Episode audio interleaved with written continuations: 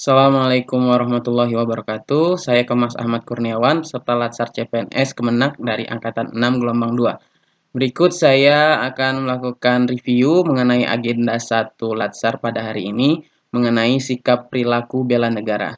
Di mana sikap perilaku bela negara membahas mengenai wawasan kebangsaan, analisis isu kontemporer, kesiapan bela negara. Nah, wawasan kebangsaan itu sendiri dapat kita maknai sebagai suatu cara pandang, pandang bangsa Indonesia dalam mengelola kehidupan berbangsa dan bernegara yang dilandasi oleh jati diri bangsa dan kesadaran terhadap sistem nasional dalam mencapai masyarakat aman, adil, makmur, dan sejahtera. Selain itu juga di sini kita belajar mengenai empat konsensus berbangsa dan bernegara, yaitu Pancasila, Undang-Undang Dasar 1945, Bhinneka Tunggal Ika, dan Negara Kesatuan Republik Indonesia. Selanjutnya mengenai bela negara yang dapat kita maknai sebagai suatu rasa cinta terhadap tanah air, sadar berbangsa dan bernegara, setia kepada Pancasila dan pengamalan Pancasila, rela berkorban untuk bangsa dan negara.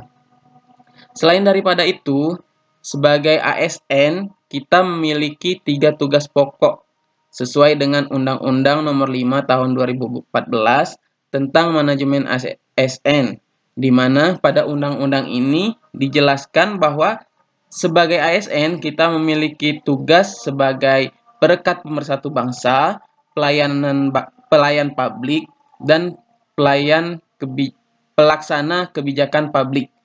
Nah, selain itu juga di Undang-Undang Nomor 23 Tahun 2019 dijelaskan bahwa bela negara merupakan suatu sikap, perilaku, tindakan untuk membela negara.